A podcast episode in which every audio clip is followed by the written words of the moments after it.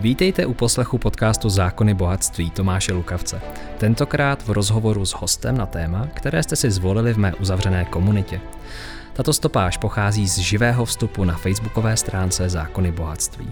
Doufám proto, že i přes horší kvalitu stopáže v ní naleznete poklady, které jinde nenajdete.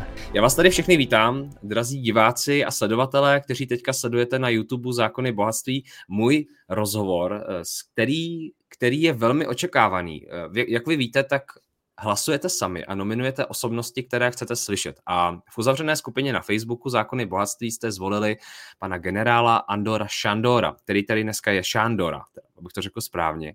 A já vás tady vítám, pane generále. Dobrý den. Dobrý den. A dneska, jak to bude probíhat, tak eh, ještě předtím, než vám to řeknu, tak dejte prosím odebírat, pokud jste úplně poprvé na tomto YouTube kanále, případně nám napište nějaký komentář, třeba odkud nás sledujete. A bude to probíhat následujícím způsobem. Já jsem v komunitě Zákony bohatství dal anketu na otázky. Vy sami jste nominovali tyto otázky, bylo jich tam asi 50 a hlasovali jste. A já jsem vyzobnul těch sedm nejúspěšnějších plus dvě bonusový tady pro pana generála. A budeme si o tom povídat. V samotném závěru tohoto rozhovoru já jsem připravil, nebo respektive produkční tým, eh, připravil několik fotografií z posledních 20 let světových dějin. Jsou to fotografie, které oblétly celý svět a zanechaly v nás určité pocity. A mě zajímá komentář právě od pana generála. Někde nebudete chtít třeba vůbec nic komentovat, pane generále, je to v pořádku, jo. Řeknete klidně, jdeme dál, to mě nezajímá, jo, úplně v pohodě. A a tak, takže tohoto je eh, v krátkém úvodu k tomuto rozhovoru. Jinak já si dovolím vás krátce představit, i když vy teďka jste v médiích poměrně často, tak jenom abych eh, diváky trochu napozicoval. Čtu z Wikipedie. Andor, teďka v uvozovkách Andy, to je asi vaše nějaká přezdívka, Šándor. Je český voják, generál záloze a bezpečnostní poradce. V letech 1972 až 1980 jste studoval na československých vojenských školách. Studium jste ukončil získáním titulu inženýr. V letech 1980 až 1984 jste zastával velitelské a štábní funkce u 20. motostřelecké divize v Karlových Varech. Od roku 1986 jste působil v generálním štábu Československé lidové armády. V postupu jste pokračoval i po sametové revoluci. V letech 1991 až 1995 jste zastával post vojenského přidělence ve Velké Británii. To je, to je výčet, vidíte. V letech 2001 a 2002 jste byl náčelem vojenské spravodajské služby, vojenské rozvědky, jež byla později začleněna do vojenského spravodajství. Závazek k armádě jste ukončil 1. srpna 2002 roce 1997 jste absolvoval kurz pro hlavní činitele ministerstva obrany v americkém Monterey, snad jsem to řekl dobře, a v roce 2000 ukončil studium na NATO College v Římě. To jsem snad taky řekl dobře. Od roku 2003 působíte jako poradce a analytik v oblasti bezpečnosti, takže já vás tady ještě jednou vítám a e, položím vám tu nejjednodušší českou otázku. Jak se máte? Já se mám dobře. Já mám štěstí v životě v tom, že eh, všechno to, co jsem dělal, mě strašně bavilo.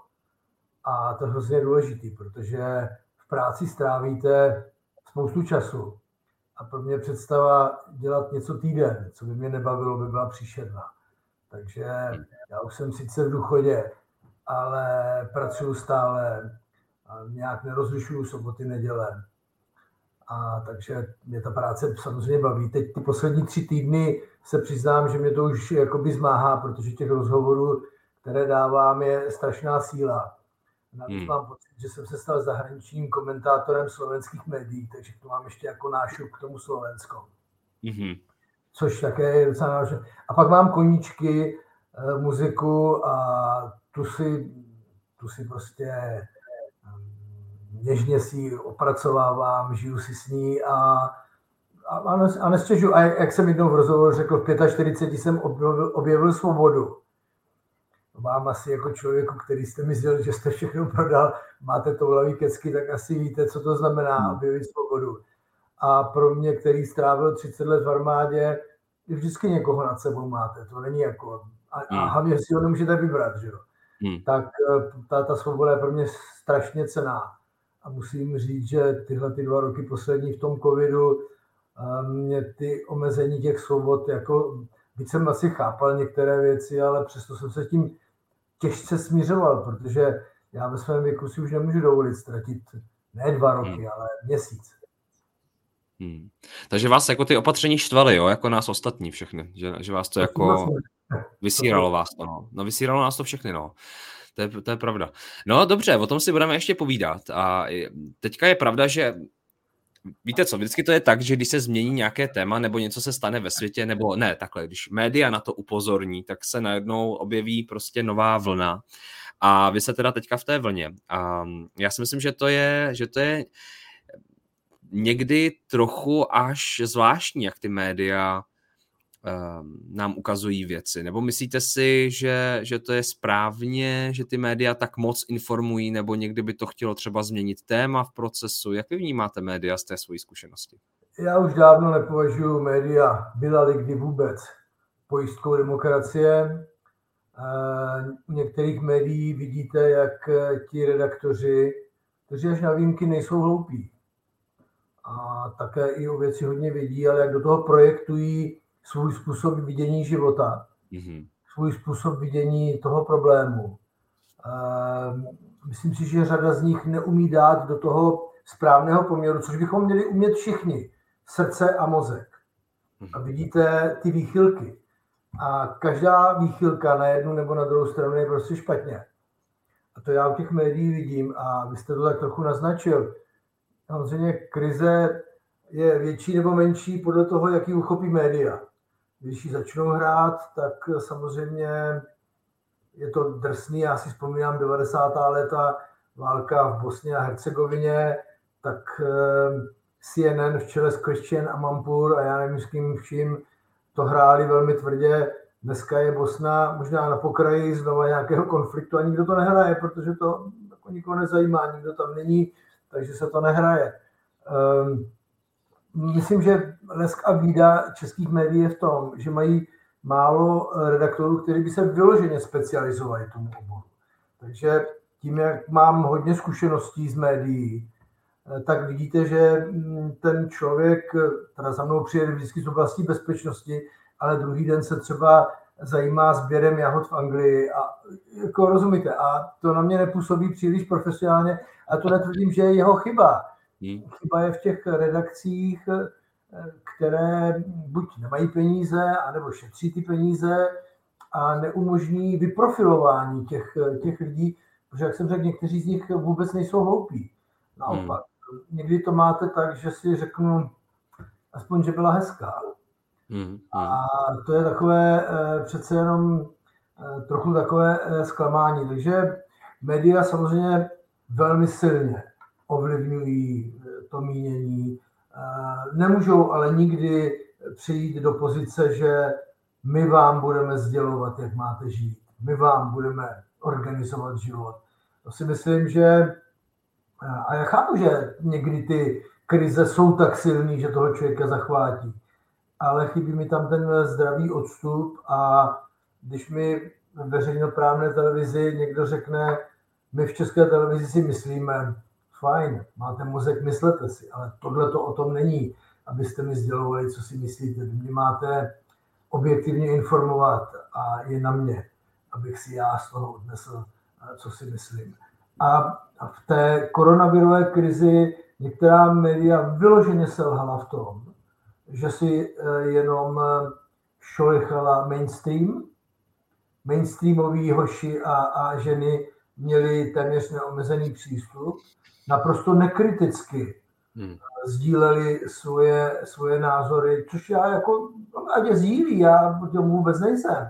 Ale chyběla mi tam ta druhá strana, která by nám řekla, hop, stop, pánové a dámy, on ten, on ta, min, a ta mince má dvě strany a tak to bylo jako hrozný. To, to, to si myslím, že to bylo absolutní selhání těch médií, které se prostě postavili za ten mainstream odborného názoru a, a šířili to naprosto brutálně, děsivě. A výsledkem je spousta vystrašených lidí, mm. rozpolcená společnost, eh, lidi zlí, mnohem, eh, fanaticky nenávistní. A do toho nám přišel Putin, takže místo, abychom dostali nějaký ten čas, abychom si tu poraněnou duši trochu uzdravili, tak dostáváme další dávky, eh, kdy vlastně a obojí má ten podtext v tom, že máme strach, protože nemáme svůj život pod kontrolou. To je to hmm. nejhorší. V momentě, jak začnete mít pocit, že nemáte svůj život pod kontrolou a nevíte, co máte dělat a nevíte, co přijde, tak jenom silní jedinci to dávají. Ale většinou, když se podíváte, kolik lidí skutečně, a já se jim vůbec nevysmívám, chraň Bůh, jak tomu podlehnu. Hmm. Je pravda, že jsme všichni čekali takového Vildrova Vilzna, jakého prezidenta nebo někoho takového pacifistického, který přijde po tom covidu a pohladí nám dušičku jako nějakého Václava Havla a on tam opravdu, jak říkáte, přišel ten Putin, no, tak, eh, nebo přišel. Možná přišla i hodně média, jako kdo ví, jo, záleží, čemu věnujeme pozornost. O tom se dneska budeme bavit společně. Já tady mám hnedka první otázku, kterou tady promítnu. Pane generále, tak, Otázka, která sklidila 407 hlasů a zní, je konflikt na Ukrajině důsledkem politiky USA? Já se tím dlouhodobě netajím, že tlak západu vedený Spojenými státy vytrhnout Ukrajinu z orbitu Ruska je tím, co stálo za tímhletím problémem. Myslím si, že kdybychom byli rozumní, nechali Ukrajinu neutrální, snažili jsme se, aby byla ekonomicky stabilní, aby byla skutečně nezávislá, tak bychom dneska s velkou, velkou pravděpodobností žádný konflikt neviděli. Spojené státy na této krize nemůžou nic prodělat a následky a břemeno všech těch problémů ponese Evropa. Já jsem byl velmi překvapen, jak ta Evropa si tak rychle naskočila na tenhle ten narrativ Spojených států, jak tak rychle akceptovala tento tlak a nedomyslela, že ty následky poneseme my. Víte, ono v roce 1994, když budapešským memorandem přestal být Ukrajina třetí největší jadernou mocností světa, byť ty zbraně byly stále pod kontrolou Ruska, tak eh, jsme slíbili Ukrajině, že budeme ji chránit. Ale řekněme si, že pokrytecky jsme si řekli, problém vyřešen, jaderné zbraně jsou zpátky v Rusku, kašleme na Ukrajinu, tak jsme na ní kašlali. A ten, ten tlak, který by neustál žádný ruský prezident. Jednes tam byl Putin nebo Jelcin nebo kdokoliv. Proto dnešní debaty o tom, jestli Šojgu odstraní eh, Putina, jsou naprosto nesmyslný. Jako co by se stalo? Jako Šojgu odstraní Putina a bude co? Bude ráj na zemi, Rusko se změní, pošle Ukrajinu do Evropské unie a do nesmysly, úplně jako zásadní nepochopení. Já vůbec netvrdím, že Rusko má jakoby ovládat vojenský Ukrajinu nebo něco takového, ale eh, takové ty představy, že jedna velmoc je úplně v klidu, když druhá se mu tlačí k hranicím.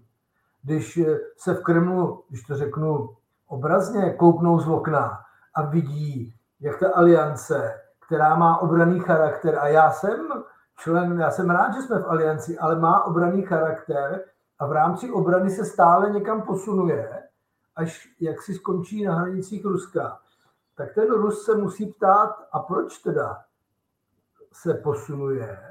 Kontextu toho, že jsme viděli, my v Rusku, kromě toho, že nám slíbili, že se nerozšíří ani do východního Německa, tak vidí, že jsme v roce 1999 bombardovali Srbsko bez rozhodnutí Rady bezpečnosti OSN.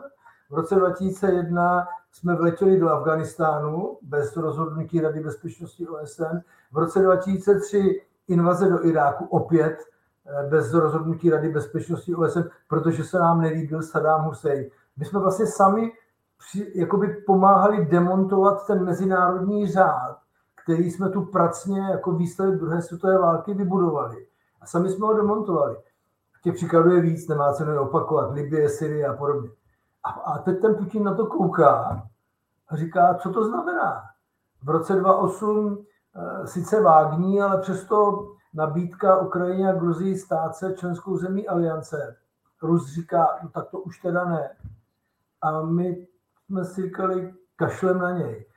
Některé ruské požadavky eh, přece byly legitimní a jsou legitimní a měly být základem debaty o tom, jak udržet mír Evropy.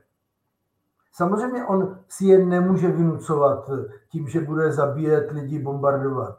Ale takhle to přemýšlejí v Rusku. A pokud Putin přijde s narrativem, že musí osvobodit Ukrajinu od fašistů a nacistů, no tak tomu ti Rusové dobře rozumí z hlediska své historické zkušenosti. Samozřejmě eh, každé zemi jsou ultrapravicové skupiny lidí, jsou tam pošahanci, samozřejmě pravý sektor, eh, prapory Azov a podobně jsou realita. Ale eh, takhle to přece nejde, takhle se to přece řešit jakoby v žádném případě nesmí. Takže myslím si, že jakoby ta politika byla příliš přezíravá vůči tomu Rusku a že ten, ta snaha Spojených států oslabit Rusko přes tu uh, Ukrajinu, tu odneseme my, protože já nevím, jak to bude s plynem, jak to bude s ropou, já nevím. Jak uh, kdysi, teď mi vypadlo jméno uh, toho amerického senátora, jak byl v tom větnamském zajetí, umřel nedávno, tak mi to naskočí ale byl taky jednou kandidoval na prezidenta, ale on řekl, že Rusko je taková větší benzínová pumpa. Jako samozřejmě, ale víte, do krize se prodával metr krychlový ruského plynu za 8 korun a americký eh, skapalněný demokratický za 25. A teďka, jestli se přenastaví všechny ty toky, uvidíme. Tak eh, ty, taková ta takový to uklidňování. My v Evropské unii mám, vyjednáme dodávky ve Spojených státech, vyjednáme dobrou cenu. Já si vůbec nejsem jist. Jako američani řeknou, Ježíš, to je soukromá společnost, to my jako, co my do toho jako nebudeme zasahovat, že jo. A protože vidí, že ten plyn potřebujeme, tak se budeme divit, jo. Hmm. A myslím si, a tím skončím, myslím si, že tato krize povede k zásadnímu přenastavení vůbec toho paradigma, Evropě a ve světě, pokud jde o ekonomické vztahy, finanční vztahy, obchodní. To bude prostě podle mě zásadní přeměna, protože ta, ta válka dřív nebo později skončí, ale ta nedůvěra obrovská na obou stranách, ta bude přetrvávat a ta teďka jednotná snaha Evropy minimalizovat závislost na Rusku tady bude, ale uvidíme, co přinese hmm. ještě nějaká doba. Hmm. Pane generále, sotožňujete se s názorem pana docenta Petra Pitharta, kterého jsem nedávno zval, pokud jste ještě na YouTube neviděli, tak teprve bude zveřejněn rozhovor.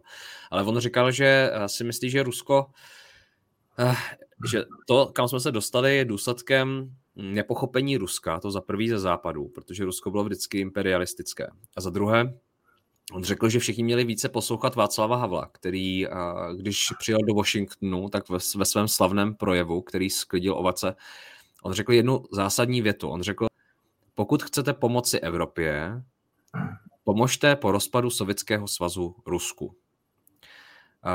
rezonuje to s vámi, nebo si myslíte, že to je vystřižené z kontextu, tato věta? To jako trošku složitější, ale pomozme Rusku. Jak, pomo- tak, jak pomohla Evropská unie České republice? Devět eh, řetězců potravinových tu máme, z toho sedm je v rukou západních majitelů. A to, co jíme, se rozhoduje někde jinde. Prodali jsme plyn Němcům, doufejme, prodali jsme vodu Francouzům, doufejme. Tak ehm, já si myslím, že částečně ten problém, který v Rusku byl v tom, je, že Putin si nepředstavoval pomoc západu v tom, že americké firmy budou prodávat ruský plyn a ropu a budou za to kasírovat peníze. Že je natolik dost chytrý s tou partou okolo něj, že to budou prodávat oni a oni budou na tom vydělávat, že. Tak jako tady si myslím, že ta, ten tlak do toho ruského nerostného bohatství byl přece jenom veliký a, a Putin jim eh, jak si vystavil stopku tady v tomhle. Nevím, jak jinak, jako ta, ta pomoc Rusku začátku nějakým způsobem byla, ale je pomocí Rusku to, že zvyšujete jeho bezpečnostní obavu? To přece není pomoc Rusku. A myslím si, že eh, ta politika mm, přeci jenom se hrála jako špatně. Bylo to nepochopení, to, co říká Petr Pidhal. Já myslím, že on i také naráží, eh, což se často ve veřejném prostoru opakuje, je to slavné Putinovo z 25. dubna 2005, že rozpad Sovětského svazu byla největší geopolitická katastrofa 20. století. Když takhle to řeknete, tak to má nějakou vypovídající hodnotu.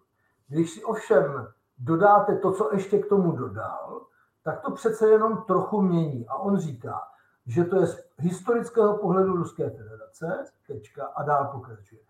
25 milionů Rusů se ocitlo mimo hranice Ruské federace a téměř 50% ekonomiky, hospodářství, průmyslu, do které my, Rusko, jsme dávali peníze, se také ocitlo mimo hranice eh, Ruské federace. Takže toto trochu relativizuje, toto jako nevypovídá o tom, že on říká, škoda, se to rozpadlo a my teď si všichni hned tomu dodáme a hurá, hurá, půjdeme tam a dobereme to zpátky.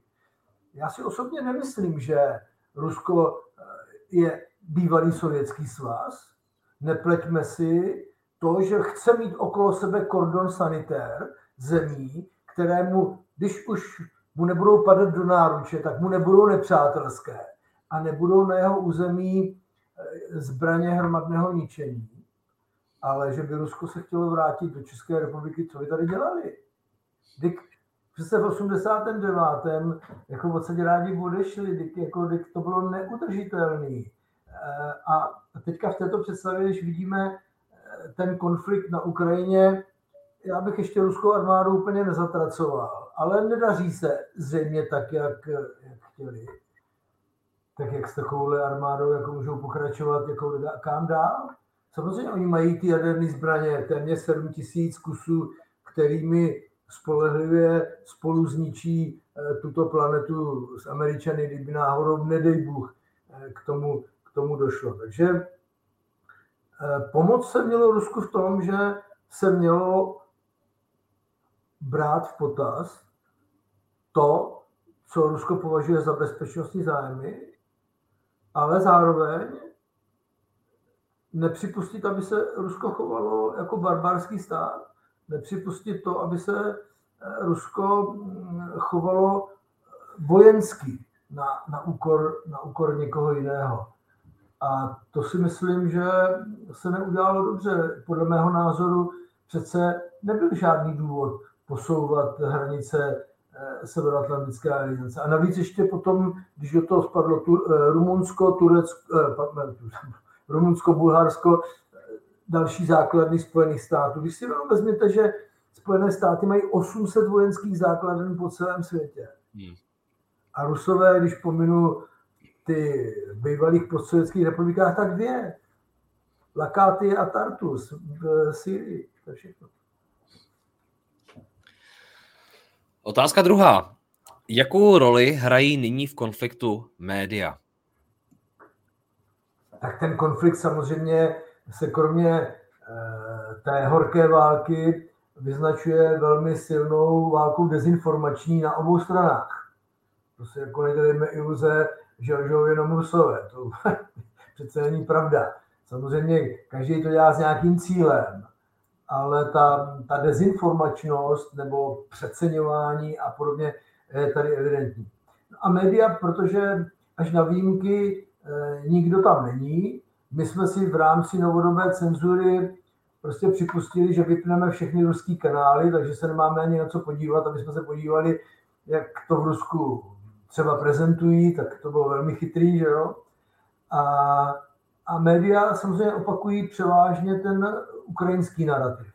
To tak prostě je. Ono, ono vůbec už v té minulé době řada věcí o Ukrajině se přebírala od Ukrajinců, řada věcí o Pobaltí se přebírala od Pobaltí. Místo, abychom tam měli svoje nezávislé, nezávislé zdroje samozřejmě. To jsme jako hodně podcenili. Jo. A myslím si, že ta média to přesně kopírují ten narrativ ukrajinský samozřejmě občas ukážou toho ruského generála, jak tam jako s tím suchým výrazem ve obličeji vyčítá, myslím, jako by vypočítává ty ztráty, ale tohle to není eh, přesné hodnocení situace. A teď přichází ten paradox, že my všichni, co to hodnotíme s nějakou zkušeností, takhle vycházíme z informací, které dostáváme z médií. My tam přece nejsme, že jo? Takže my se snažíme jak si to hodnotit eh, jako poctivě, ale řekněme si na rovinu, co vlastně hodnotíme. To je, to je prostě jako složitý problém a navíc v dnešní době, kdy ta událost stíhá jednu za druhou, kdy to jde strašně takhle rychle, tak se ani nikdo nevrací k některým vyjádřením z minula, neposuzuje se to. Je to všechno strašně rychlé a strašně to plave po povrchu. Hmm. Já když eh, slyším hodnocení strategické úlohy ruské armády od eh, kluků, kteří dosáhli maximálně praporčické hodnosti, si říkám, sakra, kde ty kluci berou v sobě tu, tu erudici hodnotit eh, ruskou strategii a operační umění. Když to slyšíte komentovat od někoho, kdo má, jak se dřív říkalo, modrá knížka do knihovny každého intelektuála, tak si říkáte, sakra, jak to vlastně je, takže eh, a, a navíc, co dělají média, 24-7 furt, logicky, tam nemůže být pořád Jiří Šedivý, já, a, tak tam, a pořád se tam někdo nabírá. Já prosím nechci říct, že my s Jiřím Šedivým jsme jako nejchytřejší. Chraň Bůh vůbec, to jako ne, ale nabírá se obrovský, vlastně je to, je to inflace těch informací, inflace na názoru. Já si myslím, že by to nemuselo být 24-7, že by to klidně mohlo být eh, v rozumnějších eh, jaksi intervalech, protože si myslím, že lidi mají taky nárok, nárok slyšet taky něco jiného. Jak to někteří ty chudáci, co to nebylo nějak myšleno pejorativně, eh, co prostě si přišili kalhoty ke křeslu a jenom sedí a koukají na televizi, ty musí prožívat strašný život. Hmm. To mě připomíná, co zmínila Markéta Dobiašová, novinářka, když jsme dělali rozhovor o médiích, tak ona řekla, že my už to víme dávno. Immanuel Kant, filozof, pardon, filozof a spisovatel, on řekl, že eh, my nevnímáme svět takový, jaký je, ale tak, jak je nám předkládán. A ty média samozřejmě jsou toho v dnešní době součástí, takže myslím si, že to připodobnění k, tomu, k těm přišitým kalhotám na gauči jsou docela, docela dobré, trefné. Vy můžete sami se zamyslet, co nás sledujete, zda opravdu eh, netrávíte třeba příliš času konzumací různých spravodajských portálů, které z toho profitují řekněme si na rovinu, že jsme v době kapitalistické, kde vaše pozornost eh, vydělává peníze, takže eh, možná si zvažte, kolik peněz chcete dovolovat těmto portálům, aby vydělávali, tak jako když jdete do obchodu. Jo, když jdete do obchodu, tak si taky nekoupíte více zákusků, které nesníte, protože víte, že se skazí, že je musíte vyhodit, tak přemýšlejte nad informacemi podobně. Já jdu na třetí otázku, pane generále, pro vás. Co dělají čeští politici dobře a co podle vás kazí? Já si myslím, že eh, je to už je ve vztahu k té Ukrajině, že jo. Já si myslím, že eh, česká politika vůči uprchlíkům eh, byla pro mnohé a, a především na západě, kdy my jsme předtím se k těm islám muslimským stavili velmi záporně, byla velmi milým překvapením. A mě osobně, a nejsem naivní, mě osobně vadí taková ta kritika, jsou tady Ukrajinci, oni jsou hezký oblíklí, co tady vlastně dělají. Jo. Ty lidi uh, si přišli zachránit v mnohem život. Jako já, kdybych tam měl manželku a děti, byť v místě, kde se ještě neválčí, protože z místa, kde se válčí, se blbě utíká, ale z místa, kde se ještě neválčí, se dá dobře odejít, tak bych je taky poslal pryč. Nebudu čekat na to, až ten konflikt se posune a začnou bombardovat i třeba Lvov, já nevím. Takže to já bych to určitě udělal. Um, mně tohle to přijde eh, prostě špatně. Takže myslím, že v tomhle se ta vláda jako se k tomu postavila velmi, velmi dobře. Eh, to určitě. Já bych jí nic eh, nevytýkal z tohohle pohledu. takový ty řeči, dáme to Ukrajincům, nedáme to českým lidem. Já tohle to také, také samozřejmě slyším. Mě spíš bude zajímat, jak dál politici budou řešit skutečnost, že jich je tady 4 milionů, co se bude dít dál. Ale ta snaha o nějakou integraci rychlou, začlenění rychlé, aby se tu nevytvářely problémy z toho, že ty lidi tady budou úplně jakoby nevědí, co tu budou dělat, nikdo se o to nebude bavit, tak mi přijde, že není špatná, že to je, že to je dobře. Vyzbrojování ukrajinské armády je jedna z mála věcí, kterou udělat můžeme. Já samozřejmě rozumím tomu, že eh, někdo může říct, když budeme dávat ty zbraně čím dál tím víc, tak tím ten konflikt budeme protahovat, tím víc bude mrtvých, ale to bychom zase jenom úplně rezignovali eh, na to, co, co dělá Putin a v zásadě eh, bychom připustili, že tu Ukrajinu si prostě schlousne tak, jak bude chtít. Jo. Takže myslím, že jako, jak jsem měl hodně jaksi problémů s tím, co dělala vláda, pokud šlo o covid, tak si nemyslím, že, že eh, pokud jde o ten případ tohoto konfliktu, by se choval špatně. Celkově jsem trošku uh, nezaražen. Trochu mi vadí ten, ten drsný antisovětský, antiruský sentiment, který, který tu je. Protože mm, to Rusko tu nezmizí. Rusko tady prostě bude. A my jsme se postavili skutečně na, na čelo těch zemí, které mají nejvíce a nejradikálnější názory proti proti Rusku, v mnohem se promítají eh, myšlenky nebo vzpomínky na, na sovětský svaz na rok, na rok 68. Někdy mě tak jako eh, zaráží, jak jsme Německu velmi rychle odpustili 360 tisíc mrtvých za druhé světové války.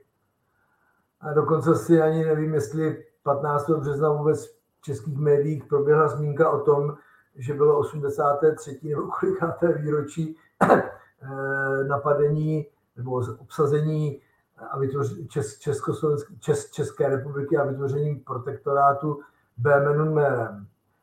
Ale nebyli jsme nikdy schopni se nějak vyrovnat eh, trochu lépe s tím eh, dědictvím toho, co se dostalo v tom roce 68, což nepochybně byla z hlediska vývoje tehdejšího Československa velmi špatná, velmi špatná událost. No. Hmm.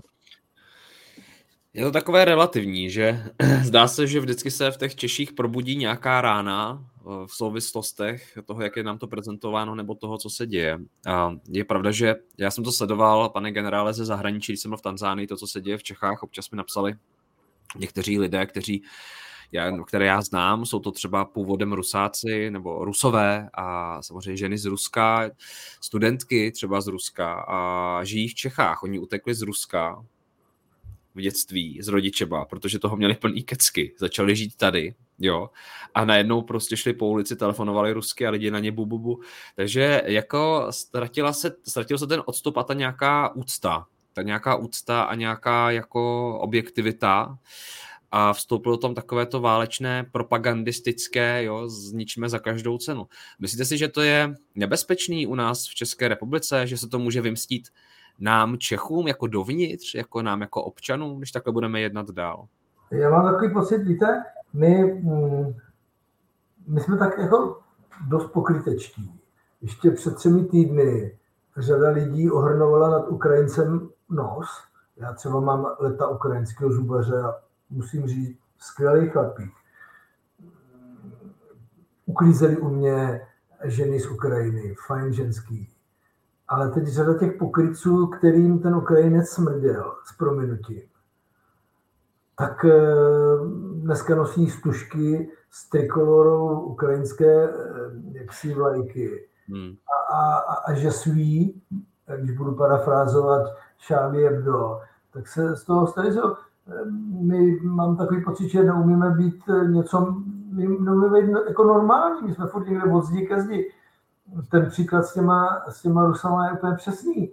Jako budeme útočit na Rusy, kteří jsou tady, protože nechtějí být, nechtějí být u Putina. No to mně přijde, to mně přijde úplně šílený tohleto.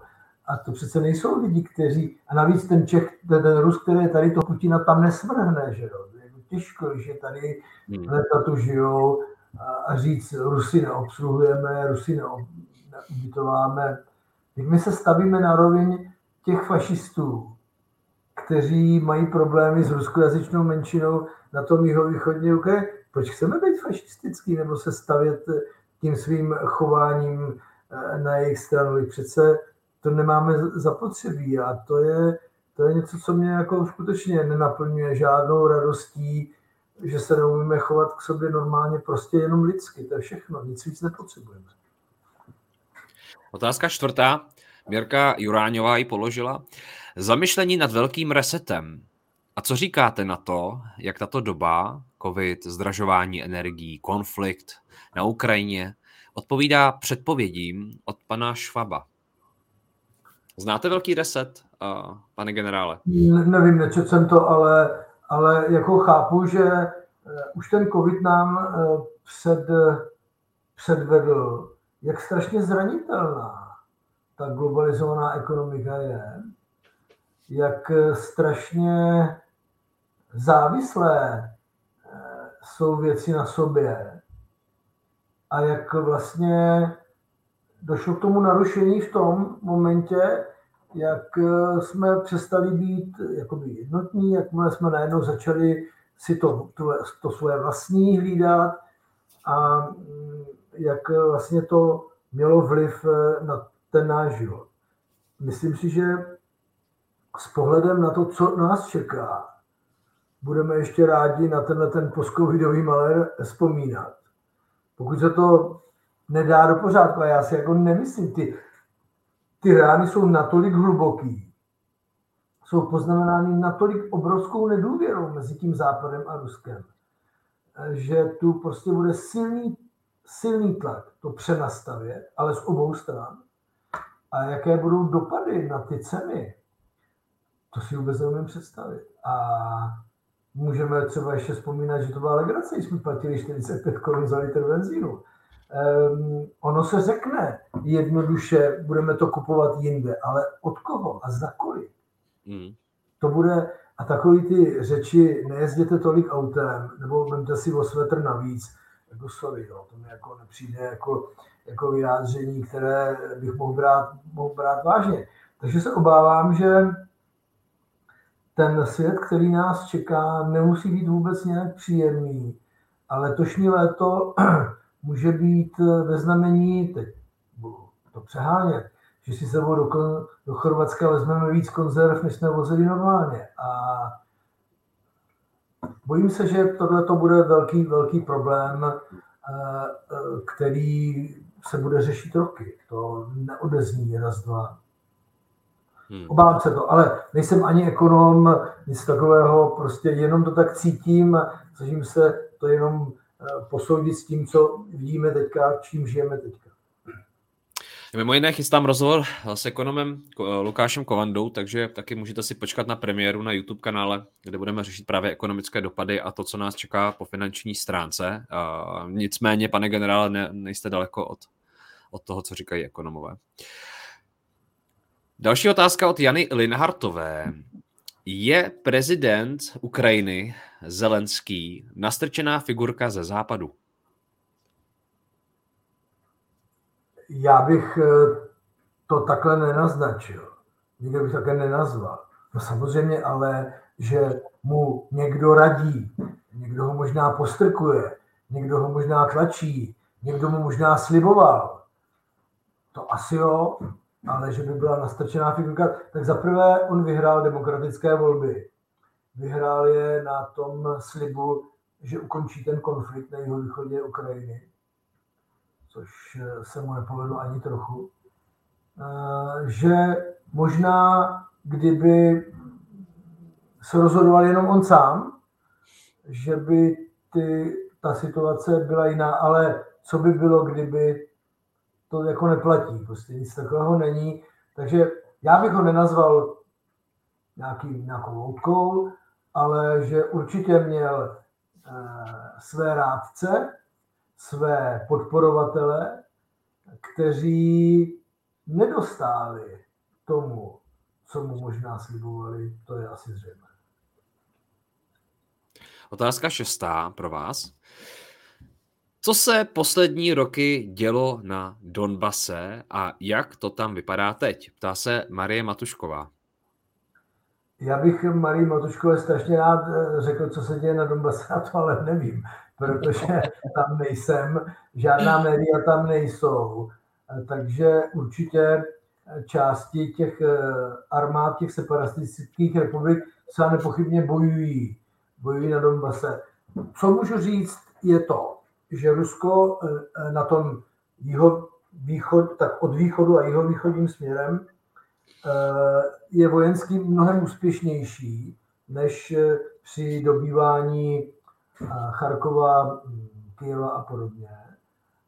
Má velký problémy v Mariupolu, že jo, co je tam veliký přístav, důležitý, ale ukazuje se, že vojenský je schopno propojit tu oblast toho jihovýchodu se svým územím a tím, že se mu podařilo ovládnout Cherson, tak si otevřel cestu na Oděsu. Zdali bude schopen ovládnout Oděsu je otázka druhá, protože je to milionové kosmopolitní město. Ale pokud by se mu to podařilo, tak by odříznul Ukrajinu od přístupu k Azovskému a Černému moři. O tom vůbec není pochyb. A pokud eh, ta zatelka měla dotaz, co se dělo tam předtím, nejspíš ve vztahu k těm ruskojazyčným menšinám, no tak tam se dělo přesně to, co se dít nemělo. To znamená, nenaplňovaly se dohody Minsk 2, které měly eh, umožnit volby na té oblasti, v té oblasti, které měly umožnit autonomní statut této části za to, že Rusové to přestanou do toho ingerovat. Tuhle tu věc, kterou Ukrajinci považovali za problematickou, nebezpečnou, že to mohl být jakoby nášlap k samostatnosti, to je fakt, ale tohle to podepsali. Tohle podepsali v roce 2015 že to eh, politické vedení v Kyjevě nebylo schopno protlačit eh, ukrajinským parlamentem, je prostě holý fakt. A zrušení ruštiny jako dalšího oficiálního jazyka byla kardinální chyba. Víte, jak ten, ty, ten nacionalistický sentiment, jak rychle naskočí. To prostě strašně rychle. To si nedělejme žádné ne iluze, že, že tam byli na linii dotyku obou straně potičky, že výsledkem toho je 14-15 tisíc mrtvých, což je strašný, co si budeme povídat. To je prostě fakt. Takže ten problém se prostě dlouhodobě neřešil. Takže v těch dvou separatistických republikách se platilo rublama, asi 700 tisíc lidí dostalo ruský pas a v zásadě to jakoby už žilo ruským životem než ukrajinským, protože ukrajinská vláda tam neměla žádnou pravomoc, kterou by vykonávala nad svým územím, které de jure je její, ale de facto už dávno ne. Hmm. Otázka sedmá od Lucie Hiské. Dalo se konfliktu zabránit diplomatickou cestou? No, když spolu mluvíte a neposloucháte se, tak ne. To je jako logické. Diplomacie, víte, i za Molotovov-Ribbentropovým paktem, jak řekl Churchill, stála selhání zahraniční a diplomatické politiky Francie a Anglie. A já si myslím, že tohle je prostě i částečně prostě selhání té diplomatické, diplomacie a zahraniční politiky, ale ne ty tři měsíce před tím konfliktem, ale už delší dobu před tím konfliktem. Ehm, to jako se nezrodilo eh, jakoby ze dne na den. To je prostě dlouhodobý proces, kdy Putin zřejmě dospěl k závěru, že už nemá co ztratit. Zřejmě dospěl k závěru, že sankce budou stejně a že to nějak přežije. Podle mě se musel jako hodně přepočítat. Tohle to určitě netušil, že by už eh, tak jak to bylo, si vzpomínám, když se otevřel první McDonald v Moskvě, tak že by McDonald se stahoval z Ruska a to je jenom legrace. Že? Takže tohle to eh, prostě eh, je důsledkem eh, té špatné zahraniční politiky a diplomacie, že se prostě všechny ty věci ne, nesnažili dál a dál prodávat. Jestliže američani říkají, že už v říjnu věděli, že Putin zautočí, tak se ptám, co teda udělali proti tomu, aby nezautočil. Vždycky je všecko lepší než válka. Hmm. Všechno je lepší než válka. Válka je prostě strašný biznis. To vidíme, kolik umře zbytečně nevinných lidí, ale i vojáků, vojáci jsou taky lidi pro Boha. Jako představa, že je voják, tak má umřít kašlem na to. Je to nesmysl. Všichni mají nějaké rodiny a podobně. Takže si myslím, že měli podle mě udělat mnohem víc, eh, než to, že na některé požadavky, které Putin vznášel, jak jsem řekl před chvílí, tak mělo se na ně reagovat a ne na to nereagovat. To není pravda, že obě strany, nebo respektive Rusko, eh, si dalo takové požadavky, ze kterých by neustoupilo. Požadavek, aby se na to stáhlo před rok 97, podle mě byl tam daný, aby měli z čeho ustoupit, že jo.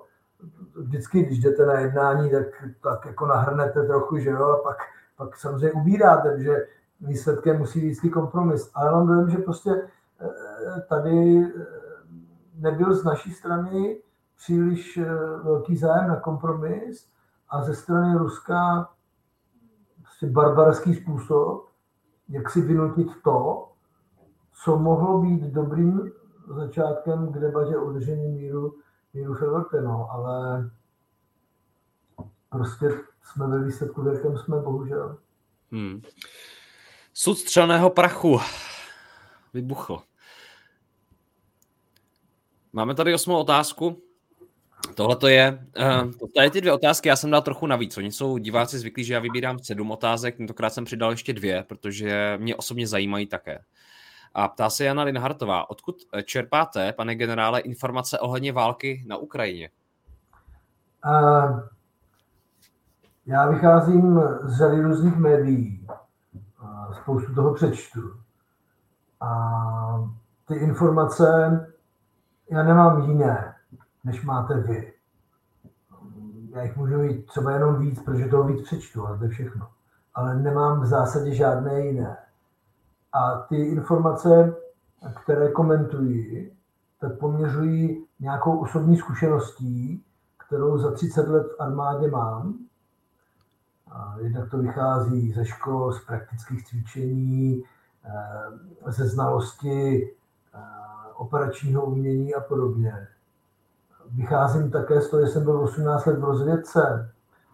Já jsem jednal osobně s generálem Korabelníkovem, šéfem ruské vojenské spravodajské služby GRU a podobně.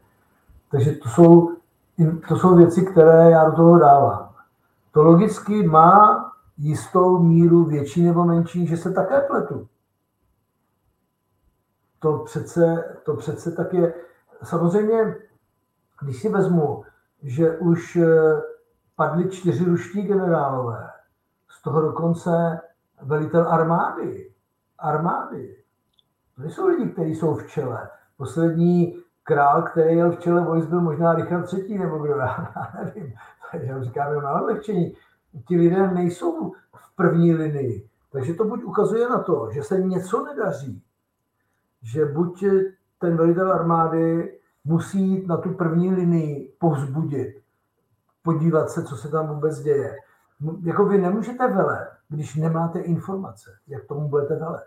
Armáda armáda, tohle myšlení velitel 29. armády, má třeba 4-5 divizí, což je nějakých 100 tisíc vojáků.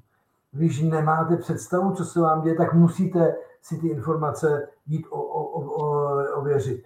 Ztratíte spojení, to se vám stane, že můžete ztratit spojení. Ztratíte spojení s nějakou předsunutou divizí nebo něco, nebo vám ji obklíčí, musíte jít blíž.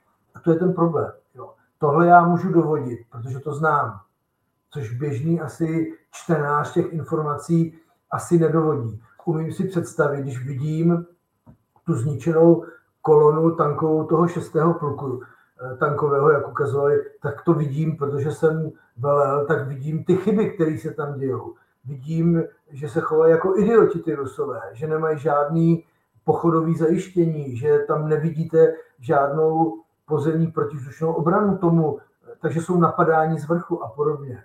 Že se tam zastaví všichni a čumí a oni jim odstřelí první tank a odstřelí jim ten zadní tank a podobně, takový ty gerilový způsob, tak to vidím. Tak, protože to znám, tak tohle, tak to je to, co já si při hodnocení těch informací si k tomu dodávám. To je ten můj background. To je všechno. Jak se to stane? Jak se stane, že jedna z největších armád na světě, jako v tuhle chvíli asi zaplať pámbu, jo, ale jak se to vůbec stane, že najednou spoustu lidí podle mě v Evropě, v Čechách, že je v představě, že ta armáda je vydrilovaná, že jsou to eh, specialisti, že jdou, bum, bum, akční film, jo, my sledujeme ty hollywoodský filmy, jak tam všichni skáčou, kopou, x-meni, jo, tak si představujeme možná trochu tu ruskou armádu. A najednou, a najednou vidíte vy eh, jako generál něco takového. Jak si to vykládáte, že eh, Putin pošle teda do Ukrajiny a, a oni tam prostě takhle jako chodí, nevědějí. Jak se to vůbec může tohle stát v armádě? I armáda přece i to je disciplína, je to připravenost, je to, jsou to strategické tahy napoleonský. Jak si to vysvětlujete? Já nevím, odkud ty kluky, takový ty klučíky vytáhli, ti Ukrajinci, jak tam mluvili, že jako zajatci, já si nemyslím, že v těch průzkumných jednotkách, těch speciálů, výsadkářů, že to jsou oni, to jsou nějaký kluci, kteří někde řídili nějaký nákladák. Tam je vlastně ta kombinace těch profesionálů a těch základáků. Ale samozřejmě neříct vojákovi, co vlastně nedělat, já považuji za zásadní problém. To je jako, že ten voják jako přijde na jednou a zjistí. Nemůžu jim říct, budou tě tam ty Ukrajinci vítat, protože ty je osvobozí od fašismu, tak ten voják samozřejmě tak jde jako ty být, že a chová se jako ty být, než pochopí, že to tak vlastně není.